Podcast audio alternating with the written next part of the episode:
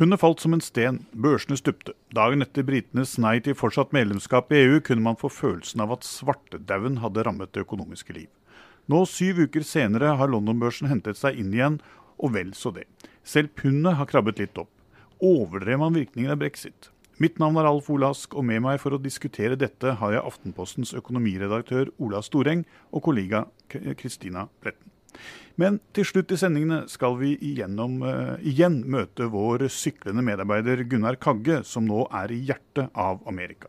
I delstater der seksløperen i sin tid satt løst i hylsteret. Han har besøkt Dodge City, kjent fra westernserien Kruttrøyk, som herjet på NRK på 1970-tallet. Og vi skal snakke med ham om våpen i USA. Men først altså eh, brexit. For å starte med deg, Ola.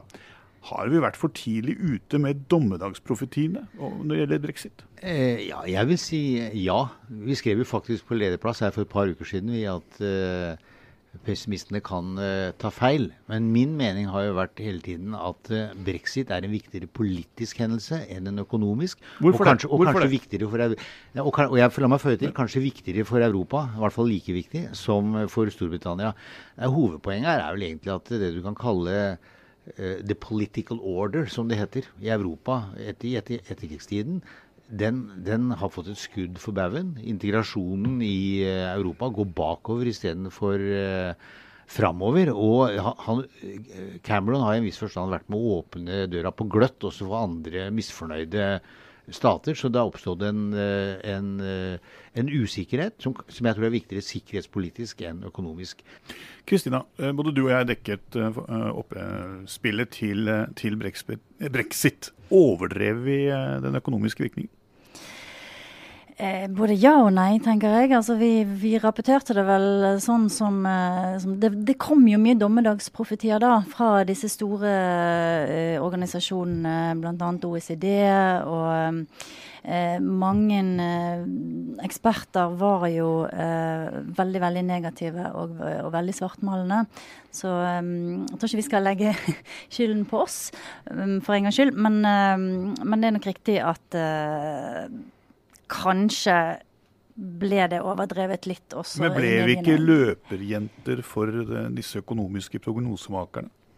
Jo, men så skal man jo si at det er ikke vår jobb da å sitte og analysere så kompliserte økonomiske prognoser. Sånn at jeg tenker at man kan i, jeg syns ikke i denne sammenhengen at mediene skal ta på seg så veldig mye skyld. Jeg tenker vi, vi i forhold til at dette er noe som aldri har skjedd før, og at dette var veldig, som Ola sier, dette var en, en helt ny type hendelse, så er det veldig vanskelig å skulle, å skulle sitte med sånn 2020 hindsight og si at, at vi var for Vi tok for hardt i.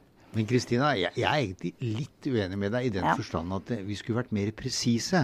Altså, ja. Hvis du ser f.eks. på IMF, som gikk ut i begynnelsen av juli og seinere.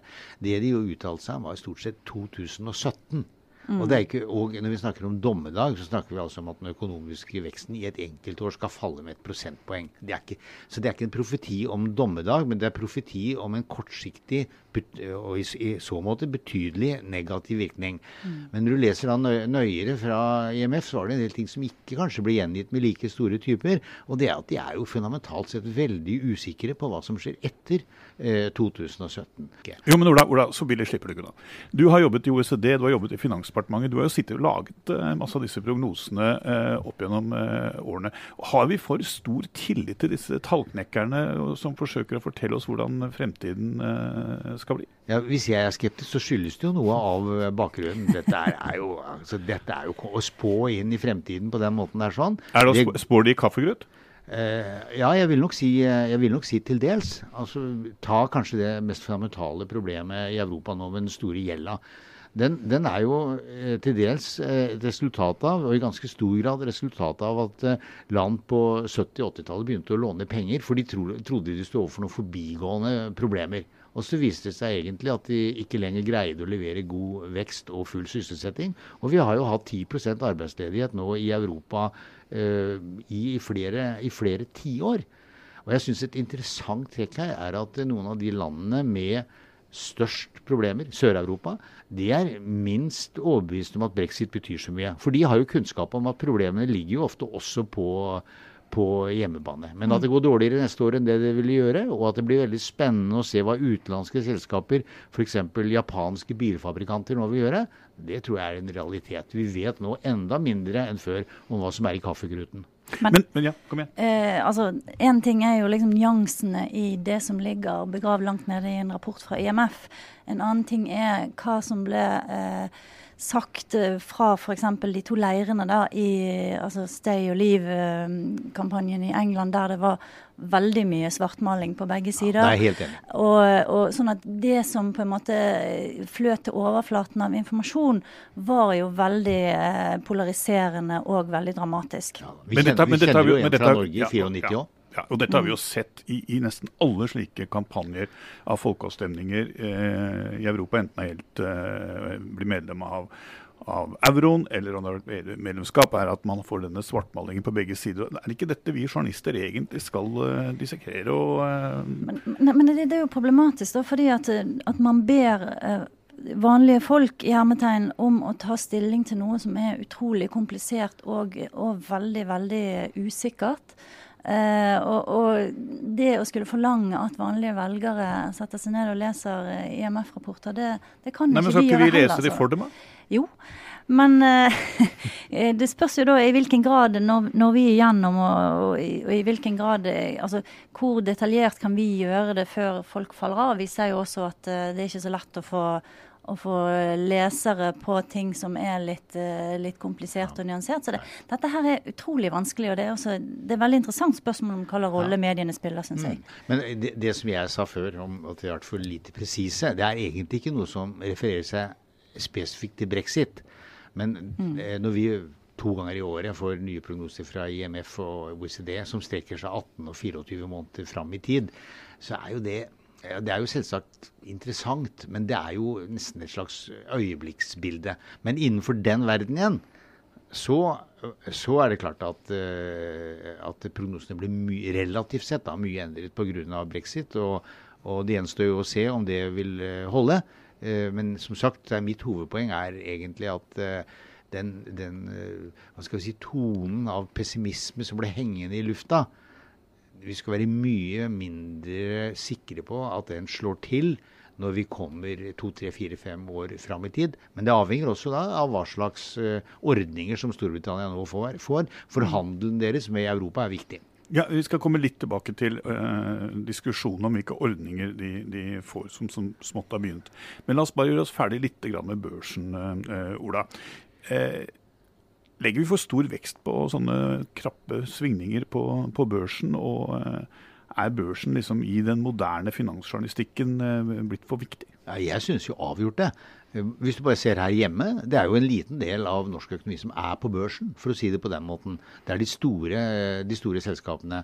Men det andre poenget er jo at det, det børsen jo dreier seg om, det er et slags kall det gjetning eller veddemål om hvordan det går med inntjeningen, fortjenesten, i de store selskapene et år, to, tre, fire, fem, og seks og sju år framover. Det er det som reflekteres i, uh, i, i børskursen. Kristina, du har sett litt på, på uh, hvordan, hvordan, man da si, ser litt fremover. hva vil bli resultatet av, av brexit, ikke minst i Europa. Og EU-landene er jo ganske splittet. Også EU-befolkningen er jo veldig splittet i synet på hva slags avtale britene eventuelt skal få. Mm. Ja, det har uh, nettopp kommet en ny undersøkelse fra Ipsis Mori som uh, ser på holdningene til brexit da, i forskjellige land. Og det som går igjen, er jo at franskmennene da uh, er minst lei seg for at britene nå forlater EU. Og de er også eh, minst eh, opptatt av at de skal få en eh, god avtale. Altså, Franskmennene er jo da opptatt av at eh, hvis de får en for god avtale, så kan dette virke oppmuntrende for andre land, som også da vil forlate EU. Eh, så er det polakkene og svenskene som er, er mest bekymret og mest lei seg for at, at Storbritannia går ut. Er dette overraskende? Ola?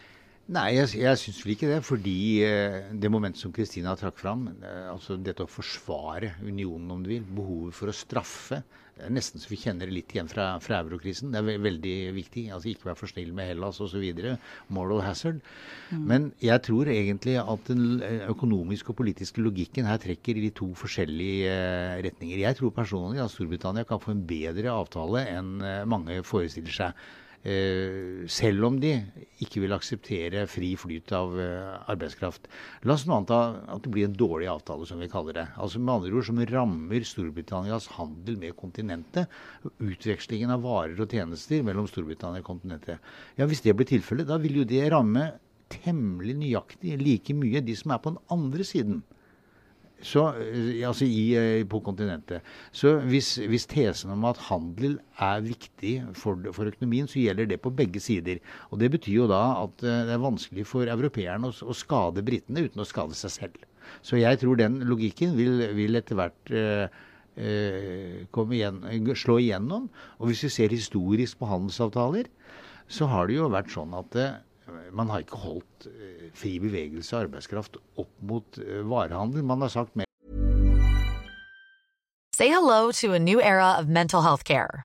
Cerebral is here to help you achieve your mental wellness goals with professional therapy and medication management support. 100% online. You'll experience the all new Cerebral Way, an innovative approach to mental wellness designed around you. You'll get a personalized treatment plan from a therapist, prescriber, or both in a safe and judgment free space. Your cerebral therapist or prescriber will outline a customized plan with clear milestones along the way so you can get to feeling your best. With Cerebral, you're not alone in your mental health journey. We're here to empower you to live a fulfilling life. So take that first step towards a brighter future and sign up today at cerebral.com slash podcast and use code ACasts to get 15% off your first month. Offer only valid on monthly plans. Other exclusions may apply. Offer ends July 31st, 2024. See site for details. Introducing Wondersuite from Bluehost.com. Website creation is hard. But now with Bluehost, you can answer a few simple questions about your business and get a unique WordPress website or store right away. From there, you can customize your design, colors, and content.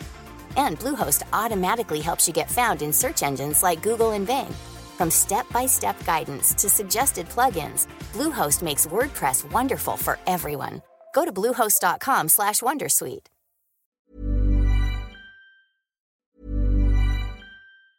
Ryan Reynolds here from Mint Mobile. With the price of just about everything going up during inflation, we thought we'd bring our prices down. So to help us, we brought in a reverse auctioneer, which is apparently a thing.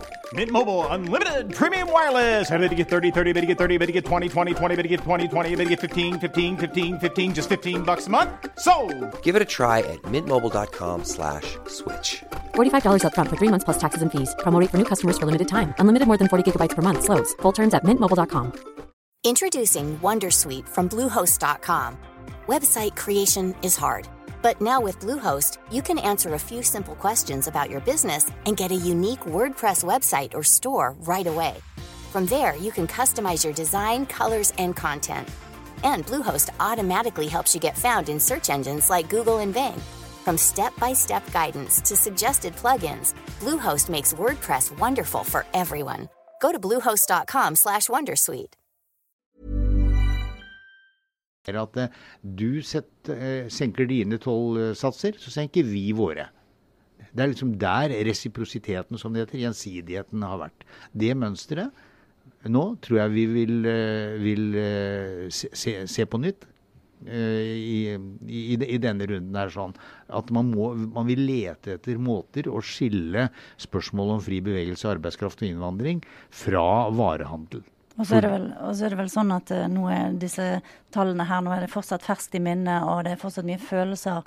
Um, apropos det vi har snakket om, ikke sant, om polarisering og skremmescenarioer. Så om et halvt år eller tre kvart år, når man liksom har fått dette litt på avstand, og det er andre ting i verden som bekymrer oss mer, så vil kanskje folk eh, eh, være litt mer rasjonelle på det du sier, Ola, om ja. å, å, få til en fornuftig avtale som, som jo gagner ja. alle.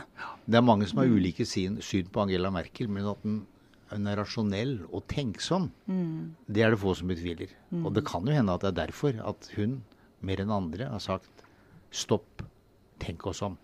Jeg tror hun allerede har fått noe råd om at hvis, hvis varebyttet mellom Storbritannia og kontinentet skal svekkes, så vil det også ramme Tyskland, en stor eksportnasjon. Men samtidig kan du ikke vente for lenge, for både Tyskland og Frankrike har jo valg neste år. og kan, Da kan man plutselig få en helt annen situasjon med nye statsledere. og Hvis man da skal inn i, i forhandlinger, så, så mitt, blir bildet annerledes. Mitt poeng er egentlig bare at den politiske og økonomiske logikken peker forskjellige veier. Ja. Og det kan godt at det er du som får rett, i, altså i den forstand når du her antyder at de politiske hen, eh, hensynene vil få veldig kraft når vi går mot et valg. Men eh, stikkord valg. Det er et valg i november. Uh, USA. Og uh, Bloomberg sendte i går ut en lengre artikkel hvor de har gått gjennom mange av de topplederne i amerikanske selskaper, og hva de nå skriver om situasjonen Eh, og de sier veldig mye når det gjelder brexit, at eh, de, det er veldig usikkert. Eh, de har veldig sånn, mm. lite fundamentale, klare, klare eh, synspunkter. Men det de også nevner i nesten i samme setning, er jo den usikkerheten som det amerikanske valget eh, skaper. Kan eh, hvem som blir president i USA bli viktigere nesten for Europa enn brexit, Ola? Ja, I hvert fall hvis man skal ta Donald Trump på ordet, hvilket jeg jo er noe usikker på. Men, men eh, siden vi, jeg brukte uttrykket 'den europeiske politiske orden' siden annen verdenskrig vi kan jo, Når vi drar inn amerikanerne, så kan vi jo snakke om verdens økonomiske orden siden annen verdenskrig. Som, eh, hvor, hvor, en grunnplanke har jo vært eh, stadig liberalisering eh, av varehandelen og etter hvert tjenestehandelen. Eh, og nedbygging av tollgrenser osv. Og, så og så sier da plutselig Donald Trump at han syns ikke Verdens handelsorganisasjon, altså, som, som, jo sammen med sin forløper GATT uh, har vært uh, skal vi si, grunnmuren i den måten vi har bygd opp det økonomiske samkvemmet, i skarp kontrast til da handelsbarrierene på 30-tallet, så sier han at det er ikke noe viktig sier han. han. Det er litt sånn som med Nato. Han, han sitter og suger på blyanten uh, omtrent som når han skal gjøre en eiendomstransaksjon, og så sier han ja eller nei til, uh, til uh, å stå ved USAs forpliktelse i Nato uten forbehold. Og på samme måte, han skaper usikkerhet om WTO. Legg da til det altså et, et EU hvor du, hvor du, kanskje ser da nå en form for oppløsning. Så er jo dette totalbildet her sånn det er i hvert fall, det er i hvert fall skremmende fordi at det er så vanskelig øh, å vurdere. Og det må jo alltid alt være negativt. Men øh, det er slutt denne bolken, øh, Kristina. Uansett hvem som vinner valget i USA, så blir vel USA mer proteksjonistisk? Ja, kanskje. Eh, som Ola sier, det er veldig mye usikkerhet eh, knyttet til dette her. De har jo eh, flere store handelsavtaler Eh, på, mm, på, blokken, eller i utviklingsstadiet. Og Hillary har vel altså Hillary Clinton har vel vært litt sånn ambivalent egentlig i signalene sine, da. Eh, på hvor hun vil eh, gå med dette her. I og med at både Bernie Sanders og Donald Trump har vært så markante i denne proteksjonistiske linjen, så, så, har de kanskje trukket Hillary med seg litt over i den retningen. Det kan nok hende at hun vil, eh, om ikke gjøre en hel kuvending, så i hvert fall en halv kuvending etter at hun eh, hun vinner valget, da, hvis ja. hun gjør det. Hun har vel egentlig allerede gjort én kuvending. Hun ja. snakker jo mot avtaler som hun før har vært for. Ja, det gjør hun. Eh, men og så tenker jeg at det, jeg tror det har vært viktig for Storbritannia at de har fått på plass en ny regjering. At ikke de nå måtte vente sånn som egentlig var meningen mm. til slutten av september. Og de har fått en ganske moderat og, og virker det som ganske sindig dame i toppen der. Som, som jo også kan, eh, tror jeg, da eh, føre til at etter det amerikanske valget så vil det forhåpentligvis roe seg litt ned eh, på det storpolitiske arenaen, og man kan eh, være litt mer rasjonell og, og eh, framsynt i måten man uh, samarbeider på og, og, og, planlegger på. Da. Da lar vi det være siste ordet i denne debatten. og et sted som man iallfall i gamle dager ikke roet ned, det var i det ville Vesten. Og vi skal nå ta inn vår syklende medarbeider Gunnar Kagge, som har vært i Dodge City. Gunnar, du er eh, i ville Vesten. Hvordan er det? Ser du mye folk med våpen når du går rundt i eh, gater i småbyene i USA? Nei, det gjør jeg ikke. Men eh, alle jeg snakker med, har våpen hjemme. og når jeg spør dem hva som er viktig i, i, i, valget for dem, så kommer våpen opp som regel på annen- eller tredjeplass, men også ganske ofte på førsteplass. De er uh, veldig opptatt av uh, gun control. Og da veldig få av dem er opptatt av at det skal bli strengere og mer regulert av våpen. De aller fleste sier at Hillary vil ta uh, skyterne fra oss, og vi vil ikke stemme på henne. Men uh, er det da betyr at eh, de har våpen for å beskytte seg selv? Ja, det, det, er litt morsomt. for Når jeg spør om det og sier at vi i Norge har jo også jaktvåpen, antagelig omtrent like mye som dere, men vi har ikke disse angrepsvåpnene og pistolene og revolverne, så sier folk på landet at ja, vi, vi er også stort, stort, sett jaktvåpen, men angrepsvåpen det, det, har de i byene. Så sier jeg er det lurt, da? Så sier de at ja, det er farlig å bo i by, vet du. Så Men apropos by, eh, Gunnar. Ja. Her om dagen var du inne i en eh, spesiell by som eh, ja. folk på min og din alder har sittet hver kveld og sett på på lørdagene, nemlig Dodge City. Var Festus ja. der fortsatt? Nei, Festus var ikke der. Men de har en sheriff om sommeren. En veldig hyggelig lærer som uh, gå rundt i den delen av byen de faktisk har bygd opp, akkurat sånn Dodge City var. Gunsmoke, og, ja. Ja. Som vi kjenner fra Gunsmoke, og som i virk, uh, Matt Dillon og Kitty og Festus fantes ikke, men uh, menn som Wyatt Earp og Bat Masterson, som var noen av de mest fryktede mennene i Ville Vesten, var faktisk marsjaler der for å rydde opp. Og det jeg lærte som var utrolig morsomt, var at uh, Dodge City, som var den villeste byen i det ville Vesten på 1870-tallet, hadde strengere våpenlover enn det Kansas har i dag. Det var faktisk helt forbudt å bære våpen i Dodge City. Og det var det disse revolvermennene, Earp og Masterson, som uh, presset gjennom og sa at skal vi rydde opp i kriminaliteten, så må, må vi ta skyterne fra cowboyene som kommer inn fra Texas. Ja, for de kom jo til byen for å drikke, ikke sant?